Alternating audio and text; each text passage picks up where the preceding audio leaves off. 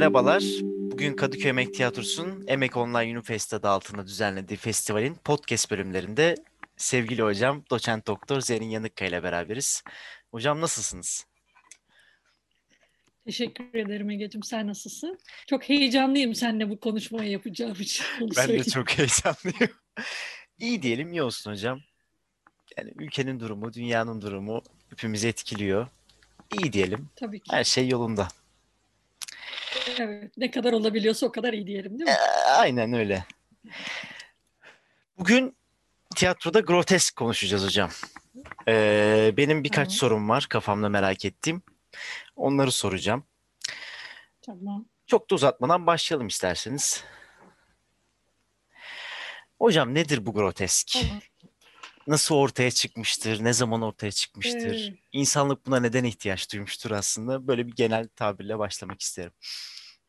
Tamam, şöyle yapalım istersen. Önce yani aslında isminin konulması tarihi olarak daha geç ama bir e, bir e, nasıl diyelim bir yan olarak ya da bir üst, üslup demeyelim çünkü grotesk bir üslup değil aslında. Ama e, tanımını yaptıktan sonra daha doğrusu e, ne olduğunu açıkladıktan sonra çok daha eski zamanlarda da karşımıza çıktığını e, göreceğimiz bir e, şey aslında bir kavram grotesk. Ama ilk kez e, grotesk kelimesi 1400'lü yılların sonunda Neron'u biliyorsunuz imparator. Neron Roma'yı yaktıktan sonra aslında kendisine yeni bir saray, Roma'nın kalıntıları üzerine yeni bir saray inşa ediyor. Ve bu sarayı da böyle labirentler birbiri içine geçen odalarla çok kendine özgü mimarisi olan bir şey saray. Fakat tabii Neron'dan sonra Neron'a duyulan öfke nedeniyle bu saray kullanılmıyor ve zaman içinde bu saray e, bazı yerleri yıkılıyor, dökülüyor, toprağın içinde kalıyor, üzerine inşaatlar yapılıyor, saraylar. Ama özellikle birkaç tane hamam yapıldığı biliniyor Nero'nun eski evinin üstüne. E, sonra 1480 yılında yine bir e, hamamın genişletilme çalışması sırasında, bir inşaat çalışması sırasında e, bir e, bir dalıyorlar. Böyle bir birdenbire bir boşluk oluşuyor ve bu boşluğun içine girdiklerinde içinde inanılmaz güzel e, resimler olduğunu görüyorlar. Yani resimlerin aslında temel şeyi mitolojik hikayeler anlatılıyor. Ve mitolojik hikayeler Rönesans için zaten kendi başına çok önemli. Çünkü Rönesans'ta klasik kültür yani antik Yunan ve Roma e, kültürüne geri dönüş var. Fakat asıl ilgilerini çeken ve o zamana kadar rastlamadıkları şey bu mitolojik hikayelerin etrafına yapılmış bir takım süslemeler var. Ve bu süslemeler o zamana kadar kurallar ve böyle hani estetik güzellik ve e, altın oran fikriyle falan antik Yunan'a ve Roma'ya bakan e, Rönesans sanatçılarını çok etkiliyor. Ve bu e, süslemelere e, orayı mağara olduğunu düşündükleri için e, o girdikleri yerin yani daha sonra anlıyorlar onun aslında Nero'nun evinin bir parçası olduğunu. Grotto İtalyanca'da mağara demek. Grottesco da e, mağaraya özgü olan anlamına geliyor. Yani sanki bir mağara resmi bulduklarını düşünüyorlar. O, o yüzden de grottesco diyorlar o resimlere. Daha doğrusu süslemelere. Süslemelerin özelliği ne? Ki bu bize şeyi verecek yani kavramı açıklarken bize bir sürü imkan e, sunacak şey bu. E, bu süslemelerde insan, hayvan ve bitki formlarının iç içe geçtiğini görüyorlar. Şimdi bunların hepsi aslında insan zihninde ayrı kategoriler değil mi? İnsan dediğimizde biz insanla ilgili kafamızda bir kategori var. İşte belli e, bir e, şeyi var, e, vücut biçimi var, davranış biçimi var, sosyalleşme biçimi var ya da hayvan dediğimizde o da bir ayrı kategori ve onun da onunla ilgili de özellikle fiziksel şuyla ilgili kafamızda bir şeyler var. Aynı şekilde kategori var. Aynı şekilde bitkilerle ilgili de kategoriler var. Şimdi bu süslemelerde bu kategorilerin iç içe geçtiğini görüyorlar. Ne demek istiyorum bunu söylerken? Mesela bir, üstelik de bunun e, odanın mimari unsurlarıyla da iç içe geçtiğini görüyorlar. Mesela bir sütun, sütunun e, alt kısmı bitkiyle e, geliyor ama sütun başının yerinde bir insan kafası var. Ya da bir çiçek bir yere doğru uzanıyor, çiçeğin yaprağından bir hayvan e, ayağı, hayvan kanadı gibi bir şey çıkıyor. Dolayısıyla bu çok şaşırtıcı ve o kadar da büyüleyici geliyor aslında insanlara. Yani nasıl bunlar böyle bir araya getirilmiş diye şaşkınlıkla e, bakıyorlar. E, Rönesans e, ressamlarının bundan etkilendiğini görüyoruz. Çok etkileniyorlar. Özellikle Rafael'in yani o dört büyük ressamdan Rafael'in çok etkilendiğini görüyoruz. E, dolayısıyla da ne yapıyorlar Rönesans'ta? E, bu süslemelerin mantığını kullanarak kiliselerin içine aslında çok ilginç geliyor bu bana. Kiliselerin içinde dini resimleri yani nasıl o zaman mitolojik resimlerin etrafındaysa dini resimlerin etrafına groteskeriz dedikleri ya da grotesklikler dedikleri bu farklı şeyleri e, resmetmeye başlıyorlar. Bir tane çok sevdiğim, keşke olsa da göstersem ama bir daha bulamadım. Çok sevdiğim bir tavan resmi var. E, böyle bir daire var. Dairenin içi karanlık ve bir din adamı kollarını böyle yaslamış o dairenin içine, karanlığın içine çıkmış ve dairenin kenarına da grotesk süslemeler yapılmış. Hayranlıkla böyle onları seyrediyor. Ve bu bir tavan resmi. Yani hani o dinin getirdiği o tek bakış açısı ve bütün bir neredeyse bin yıllık bir orta çağda kurduğu baskının dışına birdenbire norm dışı e, ve şey dışı yani biçimler arası etkileşimin olduğu yeni bir formla karşılaşıyorlar. Müthiş etkileniyorlar bundan. Yani ilk çıkışı böyle. Ama şeye bakarsak, e, tabii bunun daha sonra belki soracaksın edebiyata, başka sanatlara nasıl geçtiğine bakacağız ama yani biz buna benzer uygulamaları eski ritüellerde, şaman törenlerinde, işte Saturnalia denilen e, Roma e, çılgın eğlencelerinde bu tür şeyleri görüyoruz.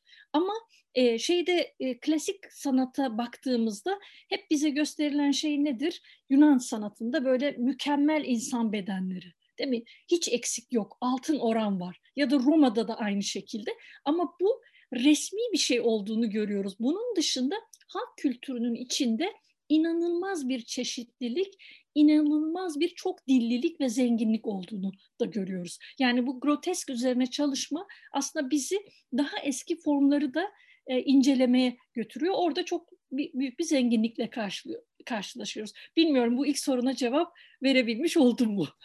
Oldu oldu. Yani aslında e, bir düzeni bozuyorlar ve onunla dalga geçiyorlar gibi bir şey. Bir fantastik bir şey yaratıyorlar gibi geldi bana. Evet ama bir şey hemen bir şey söyleyeyim. Fantastik olanla grotesk arasında önemli bir fark var. Onu hemen söyleyip Nedir geçeyim mi? Çünkü bak e, fantastik olan e, şöyle diyelim e, e, fantastik dünya kendine özgü bir dünyadır. Yani kendi kuralları vardır fantastik dünyanın. Ama grotesk dünya öyle değildir. Grotesk dünya aslında bizim dünyamızın yani bildiğimiz dünyanın e, yabancılaşmış halidir. O yüzden de çok etkili. Yani şeyleri hatırlıyorsan neydi bu e, Black Mirror e, dizisini izledim mi bilmiyorum. Mesela o grotesk bir dünya. Neden? Çünkü bizim dünyamızdan referanslarla işliyor. Ama fantastik bir dünya deyince ne bileyim Yüzüklerin Efendisi fantastik. Neden fantastik? Çünkü kendi içinde işleyen kendi mantığı var o fantastik dünyanın. Grotesk dünya öyle değil. O yüzden de farklı bir etkisi var. Çünkü yani bir adım dışına çıktığımızda bizim dünyamızda akıl ve mantığı kaldırdığımızda aslında ya da düzeni kaldırdığımızda bizim dünyamız var arkasında. O yüzden birazcık farklı ikisi. Peki o zaman e, ben diğer sorumu sormak istiyorum. Tamam. E, groteskin sanatın bütün dallarına yansıması nasıl olmuştur? Resme, edebiyata, tiyatroya. Hmm.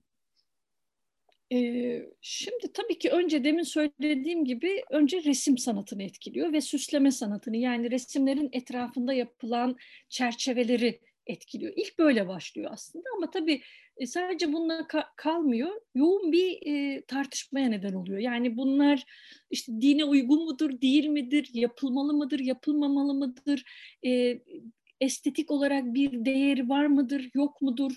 Gibi tartışmalar e, başlıyor Rönesans'ta ve Rönesans'ın önemli şeyleri, önemli e, sanat tarihçileri ya da düşünürleri bunun üzerinde uzun uzun e, tartışıyorlar. Çünkü o zaman e, negatif bir şey olarak gözük görünüyor. Birçok insan işte ucube diyor, tuhaflıklar diyor, garip şeyler diyor, absürt şeyler diyorlar ve hani bunun aslında sanatta yeri olmadığından söz ediyorlar. Dolayısıyla uzun uzun tartışılıyor ve e, o dönemde e, olumsuz da bir anlamı var groteskin. Yani bir şeye grotesk dediğinde sanki saçma anlamına gelen bir şey. Çok grotesk dediklerinde çok saçma, hani akla mantığa uygun anlamında kullanılıyor. Çünkü biçimsel olarak bir melezleşme var. Yani farklı biçimleri bir araya getirdiği için bu melezleşmeyi e, sanat dışı gibi algılıyorlar. O yüzden de e, biraz böyle kabul edilmesi sıkıntı yaratıyor groteskin. Ama dediğim gibi Rafael özellikle Vatikan'ın içine resmettiği bazı e, şeylerde, resimlerde kullanınca bir yanıyla böyle bir legalleşiyor grotesk. Hani dinin içinde, kilisenin içinde de kullanılabilir bir form haliniz, bir süsleme formu halini alıyor. Çünkü o zaman Hristiyan mesajlarla şey birleşmiş oluyor. Yani şöyle bir şey söylüyor. Demin anlattığım bu kollarını dayayıp dışarı bakan şey mesela orada böyle hafif bir gülümseme var ama şey diyor ki bazı araştırmacılar diyor ki güvenli bir yerden bakıyor, dinin içinden bakıyor. Hayranlıkla da olsa dışarı çıkmamış, onun içine dalmıyor. O mantıksız şeyin içine girmiyor. Uzaktan bakıyor. Dolayısıyla güvenli şey. Yani din de şunu gösterebilir. Bak dinin dışına çıkarsan bu gördüğün gibi ucube olursun. Yani düşünsel olarak da fiziksel olarak da ucubeye dönersin. Çünkü bu saçma bir şey. O yüzden sen güvenli yerinde kal. Yani sopa gibi kullanabilir bunu. Ama bir taraftan da diğerleri de diyor ki yo bu aslında yaratıcı bir şey. Yani insan zihninin çok yaratıcı olduğunu gösteriyor. Dolayısıyla da oraya hayranlıkla bakılıyor olması bu karanlık yerden çıkma arzusunu gösteriyor. O tek taraflı düşünmeden çıkma arzusunu gösteriyor. Ama hala Rönesans'ta bu e, yani dinin sınırları içinde kalındığı için çok ciddi bir ihlal yok. Norm dışılık yok. Form dışılık yok. Ama bir bir oraya doğru bir yönelme var ve e, savunanlar groteski bir estetik kategori olduğunu söyleyenler e, e, şey ressamların düşü diyorlar. Yani bir hayal dünyası olduğunu söylüyorlar ve oradan savunmaya başlıyorlar. Fakat ilk e, şeyde dediğim gibi önce e, süslemede başlıyor, sonra duvar resimlerinde başlıyor, mimaride başlıyor, grotesk bir takım şeyler gravür sanatına giriyor, kitap süslemelerinde kullanılıyor. Ama en etkili olduğu şey aslına bakarsan e, karikatür sanatı oluyor. Yani o dönemi, dönemin önemli e, karikatüristleri, e, şimdi isim e, Hogarth mıydı? İsmini çok net hatırlayamadım ama yani çok ünlü bir e, karikatürist grotesk e, karikatürler yapmaya başlıyor. Onda da ne yapıyor? E, insanların belli yanlarını e, abartarak ama e, nasıl diyeyim oransız bir şekilde. Mesela bir kulağı çok büyük, öbür kulağı küçük ya da dudağı kocaman yapılmış, gözleri küçültülmüş gibi oranlarla oynayarak grotesk bir etki yaratacak karikatürler yapıyor. Mesela bunun üzerine yapılan çalışmalarda doğrudan bizi ilgilendiren bir şey var. O da şu. E, bir yazıda deniyor ki aslında bu komedya dell'arte ile çok benzer. Yani komedya dell'arte oyunculuğuyla ya da komedya dell'arte oyuncularıyla bu karika, grotesk karikatür arasında bir benzerlik var diyorlar. Şimdi oradan tiyatroyla bir bağlantı aslında yani 15. 16. yüzyılda kurulmaya başlıyor. 16. yüzyılda edebiyat alanında kullanılmaya başlıyor. Özellikle 1600'lü yılların başında bir Fransız yazar Rabelais Gargantua diye bir eseri var. Gargantua da şeyden söz eder, sıfat olarak e, groteski kullanır ve bedenin bazı e, organlarıyla bağlantılı kullanır. Yani bazı organları grotesk olarak e, tanımlar ve böylece edebiyatın içine de girer e, şey e, grotesk sözcüğü. Arkasından da Montaigne yine aynı dönem yani 16 17. 16. yüzyıl çok pardon e, sonu bu sefer denemelerinde groteskten e, söz eder ve o da e, yani henüz bir yazınsal groteskten söz edemeyiz ama şöyle şu anlamda kullanır. Rahatsız edici, şok edici bir unsur olarak kullanır. O zamana kadar sözlüklerde bulunan bir şey değil. Nasıl, ne hangi anlamlarda girer? Aşırı, tuhaf, garip, acayip anlamlarını taşır. Sözlükte öyle tanımlanır yani. Ve burada da e, fiziksel gerçekliği bozan bir şey olarak algılarlar. Yine görsel bir imge olarak algılanıyor aslında.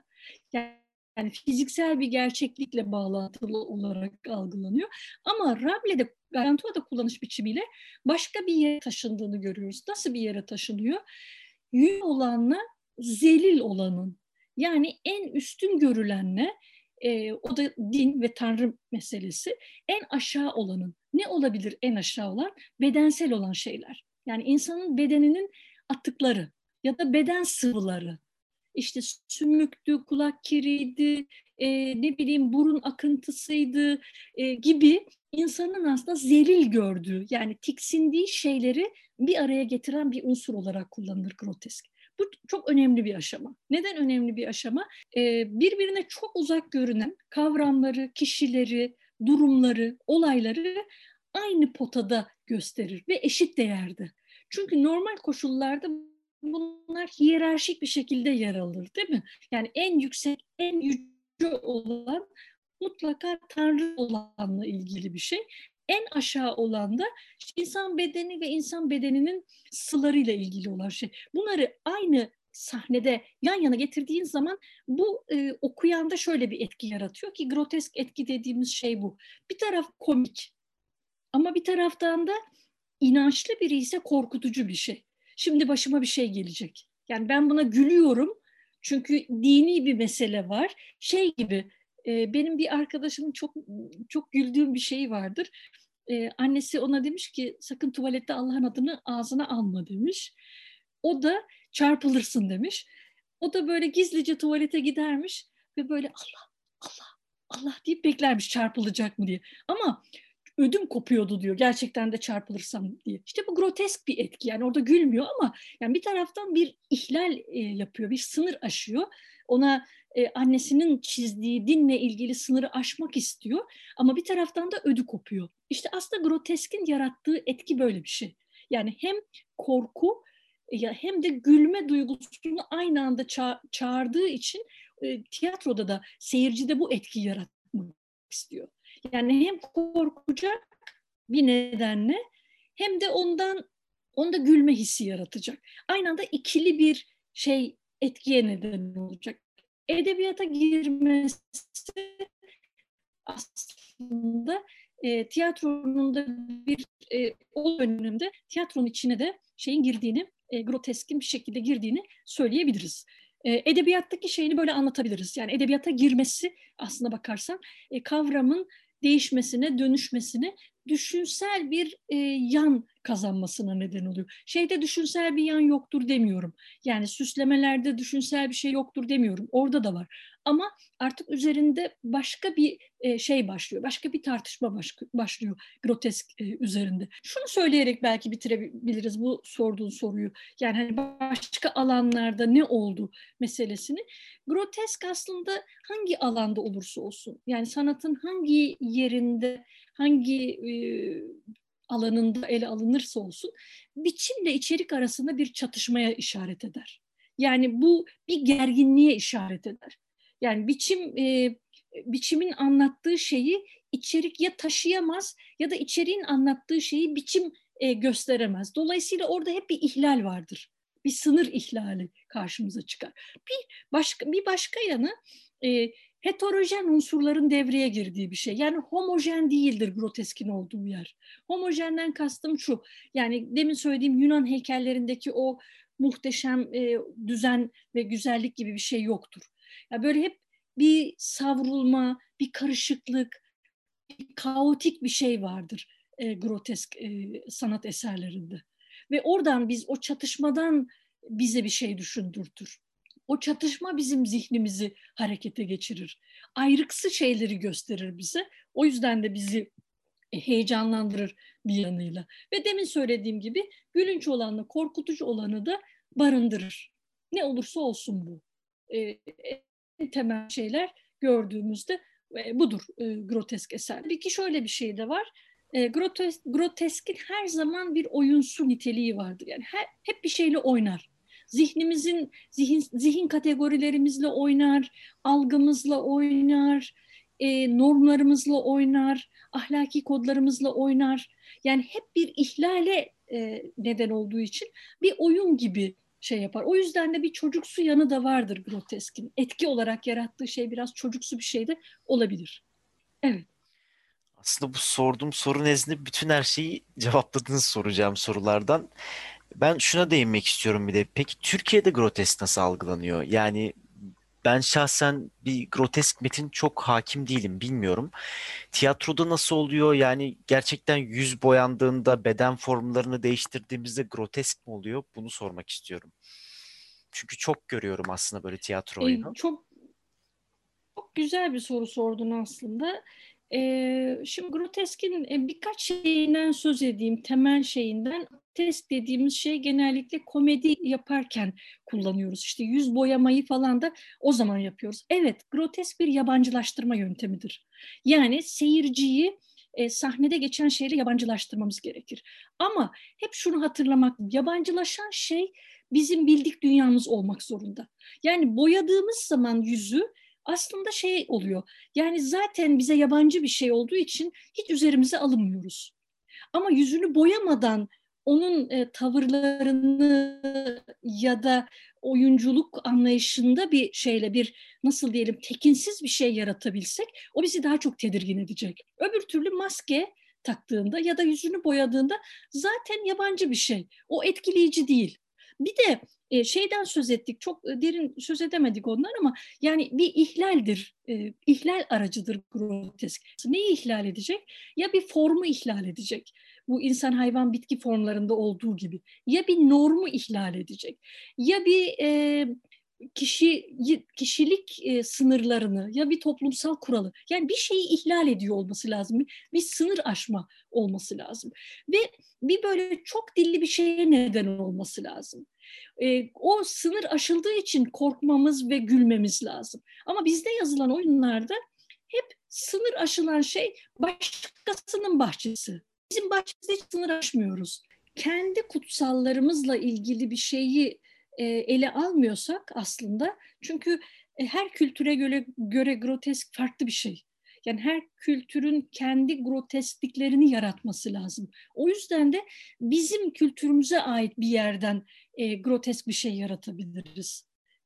Şey metin açısından söylüyorum. Yani sahneleme açısından söylemiyorum bunu. Ama metinleri yazarken bizim yazarlarımız genellikle bizim meselelerimize değil, başka daha uzak, bizi ilgilendirmeyen meselelere el atıyorlar. O zaman biz de metin olarak çok grotesk diyebileceğimiz bir metinle karşılaşmıyoruz. Ama sahnelemede grotesk bir yöntem kullanabiliriz. O nasıl oluyor diye sorarsam işte yabancılaşmış bir dünya kurmamız lazım. Yani grotesk olması için müpem olması lazım. Yani ne demek müpem? Belirsiz olması lazım ve aynı anda hem korku hem de gülme duygusunu yaratabilmesi lazım. Bir tekinsiz dünya yaratacağız. Nasıl yaratacağız o tekinsiz dünyayı? Oyunculukla yaratabiliriz. E, sahnelemenin e, diğer araçlarıyla ışığı kullanarak, e, dekoru kullanarak yapabiliriz. E, burada şöyle bir şey de önemli. Yani e, bir zihinsel bir şeye, zihinsel bir kategoriye e, saldırı olması için kendi kültürel kategorilerimizi de devreye sokmamız lazım. Çünkü aynı zamanda grotesk şöyle bir şey. E, adı konmamış şeydir grotesk. Adını koyduğumuz anda grotesk olmaktan çıkıyor. Ne demek istiyorum bunu söylerken? Mesela e, Antik Yunan'dan bir örnek e, verelim. Pegasus. Pegasus nedir? Kanatlı bir attır değil mi? Kanatlı at olarak grotesktir. Ama Pegasus dediğimiz anda yani ona bir ad verdiğimiz anda o grotesk olmaktan kurtulur. Ya belki buralardan yürümek lazım. İsmi konmamış, ne olduğu belli olmayan, biraz belirsiz, biraz karnavalesk yani karnaval havasını yaratan ama biraz da belki bir başka yüzü, bir yüzü karnavalesk, bir başka yüzü de onun yani daha olumsuz bir yüzü var. Orada da böyle konuşamayan, kekeme, karnavalesk yüzü çok gevezedir, çok şeyi birden söyler. Bunu sahne görüntüsü olarak da yaratabiliriz. Çok geveze bir, gürültülü bir sahne metni yaratabiliriz. Sahne görüntüsü yaratabiliriz. Ya da Beckett'te olduğu gibi çok sessiz, çok kekeme, minimalist bir sahne görüntüsü yaratarak bir grotesk bir şey yapabiliriz değil mi? Mesela orada Godo kim bilmiyoruz. Oyun bittiğinde de bilmiyoruz şeyin Godo'nun kim olduğunu. Çünkü e, orada bize bir bir bilinmez bir şeyi, ne olduğu önemli değil, bir bekleme duygusunu yaratmak istiyor Beckett. Dolayısıyla grotesk bir metindir Beckett'in metni. Yani farklı tezahürleri olabilir e, groteskin. Onu söylemek istiyorum. Ama bunun da kültürel bir şey olduğunu hatırlamamız lazım. Yani her kültürde kendi kültürüne uygun ya da kendi kültürünün e, kutsallarını ya da kendi kültürünün önemli saydığı bir takım şeyleri e, ihlal ederek grotesk bir şey yaratılabilir. Yoksa grotesk bir şey olmaz. Sadece komik bir şey olur ya da sadece korkutucu bir şey olur. Yani bir biçim bozulması, bir yapı bozulması, bir düzen bozulması lazım. Ama o düzenin bozulacak düzen de bizim bildiğimiz, kabul ettiğimiz ve önemsediğimiz bir düzen olması lazım. Son bir şey daha söyleyeceğim eğer başka bir sorun yoksa. E, tiyatroda ortaya çıkışıyla ilgili bir şey söyleyeceğim. E, o da şu, e, aslında antik Yunan'da şey nasıl oluyor? E, tragedya ve komedya nasıl oluyor? Bir değerler sisteminin içinde antik Yunan komedyası önemli değil mi? İki olumlu değer tragedyada çatışıyor ve bu iki olumlu değerden birinin e, yıkıldığını görüyoruz. Ya da komedide karşımıza çıkan şey bir olumlu bir olumsuz değer oluyor. Grotesk bir dünyanın ortaya çıkabilmesi için olumsuzla daha olumsuz arasında bir çatışma olması lazım. Bilmiyorum bu sana senin kafanda bir şey yaratıyor mu ama yani şey yok. Değerlerin yok olduğu bir yerde, değerlerin ortadan kalktığı geçiş zamanlarında daha çok ortaya çıkıyor grotesk. O yüzden de hani eski değerler eskimiş ama yerine yeni bir değer konulmamış. O yeni değerin ne olacağı henüz belli değil. Adı konmamış demin söylediğim şekliyle öyle bir zamanda etkili bir araç grotesk. Çünkü korkuyoruz. Yani ne olacak ve yeni dönem nasıl gelecek? Bütün değerlerimizi kaybedeceğiz ve değersiz bir dünyada mı yaşayacağız diye korkuyoruz. Şimdi içinden geçtiğimiz dönem gibi. Sanki her şeyi yapabiliriz ki öyle. Herkes her şeyi yapıyor, değil mi? Ama bu herkesin her şeyi yapabilmesi bir taraftan bize bir etik değere sığınma ihtiyacımız olduğunu hissettiriyor. İşte grotesk aslında bunu tartışıyor. Yani bunu daha iyi ortaya çıkarıyor. Yani bir değer yok, olumsuz var ve daha olumsuz var ve çatışma aslında böyle bir yerde gerçekleşiyor ve biz bunun içinden belki olumlu bir değer üretebiliriz. Yani bir bir sonraki dönemi yaratabiliriz. Çünkü yıkıcı bir şey grotesk. Yıktığı şey de olumlu değerlerin dünyası değil. Olumsuzla daha olumsuzun dünyası. Bilmiyorum bunlar sorduğun soruya şey geldi mi ama e, yani Türkiye'de grotesk çok güçlü bir grotesk oyun yazıldığını benim bildiklerim içinde belki vardır. Düşünmüyorum. E, çok etkili bir araç olarak da kullanıldığını düşünmüyorum. Yani arkasında daha iyi bir e, felsefi bir şey olması lazım. İyi bir grotesk oyun yazılabilmesi için diye düşünüyorum çok ince bir çizgi gibi geliyor bana. Belki de e, anlaşılması çok zor olduğu için de hani insanlar buna cesaret edemiyor olabilir gibi geldi bana şu anda. Grotesk bir metin, grotesk oyun. e, biraz riskli sular gibi geldi bana. Bilmiyorum tabii ben böyle düşünüyorum da. Yani şöyle aslında Ege, çok riskli değil ama ince bir çizgi olduğu kesin. Çünkü o ince çizgiyi doğru koyma ya komik oluyorsun ya absürt oluyorsun. Ama grotesk, grotesk bir üslup değil zaten. Çok güzel bir tanımlama var. Çok hoşuma da gidiyor. Geoffrey Galt Hartman diye bir hocanın tanımlaması. E, grotesk diyor tanımlanamaz. Çünkü grotesk aslında içinde bulunduğu esere dalganın denize bağlı olduğu gibi bağlıdır. Yani onu oradan çekip çok iyi bir tanımamayız. Sadece deriz ki Aa, bunda bir grotesk bir şey var deriz. Anlatabiliyor muyum? O yüzden zor. Yoksa hani şöyle bir şey olsa grotesk böyle bir teknik ya da böyle bir üslup bunu alırız buraya koyarız ve oyun yaptığımız oyun grotesk bir oyun diyebileceğimiz bir şey olsa çok daha kolay, uygulamak kolay. Ama o muğlaklığı, müpemliği, belirsizliği yaratacak bir şeyi bulduğumuz anda böyle belki e, bir parlama anı. Yani bütün bir oyunun grotesk olduğunu da söyleyemeyebiliriz her zaman. Yani burada bir grotesk sergileme var ama elimizden de kaçan bir şey. Yani gidip gelen bir şey olması lazım o groteskin. Bir müpemlik yaratması lazım. Yani baştan sona grotesktir diyebileceğimiz bir oyun sahnelemesi biraz zor zaten. Ama mesela oyun yazarı olarak işte Pirandello yapmış. Shakespeare'in bazı oyunlarında grotesk unsurlar olduğunu görüyoruz. E, Komedya dell'arte'nin bazı oyunlarında grotesk tipler olduğunu görüyoruz. Yani o yüzden hani grotesk budur şudur e, rahatlıkla diyemiyoruz ama bir yerde gördüğümüzde o e, bizi e, bu iki şey çok önemli galiba. Yani çok dilli bir şeyi açması, çok dilli bir diyaloğu açması önemli. E, somut, bildik, belirlenmiş e, öneriler sunmaması önemli. Yani bizi karşıt bir takım şeyleri iç içe göstererek bizim zihnimizde e, şok yaratması önemli. E, yani bir yabancılaştırma yöntemi gibi algılayabiliriz ama mesela Brecht'in yabancılaştırma yöntemlerinden farklı. Daha böyle serbest bir yabancılaştırma yöntemi. Bizi korkutan ya da bizi güldüren ama güldüğümüzde korkumuzu, korktuğumuzda gülmemizi, gülmeyi çağıran bir şey. O yüzden de belki evet daha iyi e, düşünmek gerekiyor grotesk bir şey yaparken. Çünkü somut bir e, teknik değil. Evet. Benim de sorularımın arasında vardı aslında groteskte Brecht'in yabancılaştırma efektini bağdaştırabilir miyiz diye. Onu da açıklamış oldunuz. Peki son bir şey sormak istiyorum ben aslında.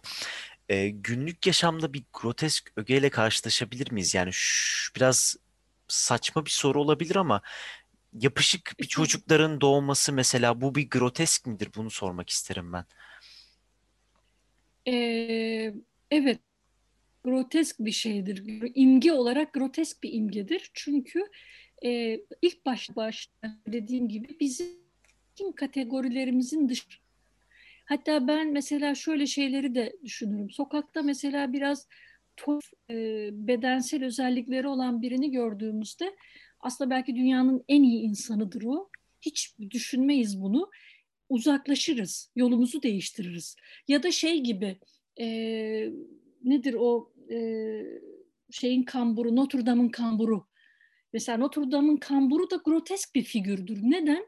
Çünkü bir kamburdan insani bir şey e, yani beklemeyiz demek istemiyorum. Aslında bekleriz de kambur dediğinde genellikle hep negatif bir şey olarak örgülenir, düşünülür, örgütlenir diye. Çünkü o e, fiziksel e, şeyi nedeniyle, fiziksel kusuru nedeniyle sanki kötücül biri olmak zorundaymış gibi algılanır ve edebiyat eserlerinde de böyle gösterilir. Ama onun e, şeye Esmeralda'ya duyduğu aşk yani çok mükemmel fiziki özellikleri olan bir insanın duyabileceği aşktan daha duyarlı, daha zengin bir aşktır. Bu grotesklik yaratır. Yani aslında e, Quasimodo sadece kambur olduğu için grotesk değildir. O demin söyledim ya biçimle içerik arasındaki çatışma nedeniyle grotesktir. Ondan beklemeyiz çünkü onu. Dolayısıyla imge olarak grotesk bir imgedir. Ve grotesk imgeler hep ihlal imgeleridir. Yani o beden beden bütünlüğünü ihlal eder yapışık ikizler değil mi? Yani çünkü o bizim insan yani bir doğacak doğan tekil bir şeydir ve kendi içinde bir bütünlüğü vardır. İkiz olması o bütünlüğü bozar. Çünkü o bazı organları da birleşiktir. Dolayısıyla o kesinlikle grotesk bir bilgidir. Ben teşekkür ederim. Çok açıklayıcı ve bilgilendirici oldu aslında. Ee, yani sorularımın hepsini açıkladınız gayet net bir şekilde. Benim kafamda herhangi bir şey kalmadı. Teşekkür ederim ben. Sizin Ben teşekkür ediyorum. son söylemek istediğiniz bir şey varsa onu duyabiliriz. Onun dışında Ee, ben sonlandırabiliriz. Kadıköy Yemek Tiyatrosu'nu yakından takip ettiğim de bir tiyatro. E, bu zorlu zamanda e, özellikle öğrencileri yalnız bırakmadığı, onlara hem e, düzenlediği atölyelerle hem de bu festivalle ki bu festivale ben e, başka şekillerde öğrencilerimle birlikte katılmıştım. E, çok teşekkür ediyorum. Çok kıymetli buluyorum yapılan çalışmaları. Özellikle sizin bu çalışmalarda e, aktif rol almanızı da çok önemsiyorum. Hepinize çok teşekkür ediyorum. Umarım e, kafa karıştırıcı değil, e, kafa açıcı bir konuşma e, olmuştur. Çünkü çok derin bir konu. E, başlıklar halinde konuştuk ama mutlaka eksikleri de vardır. Ama sormak istediğiniz şey olursa ya da bunu dinleyenlerin sormak istedikleri, konuşmak istedikleri bir konu olursa yine konuşuruz. Teşekkür ediyorum hepinize.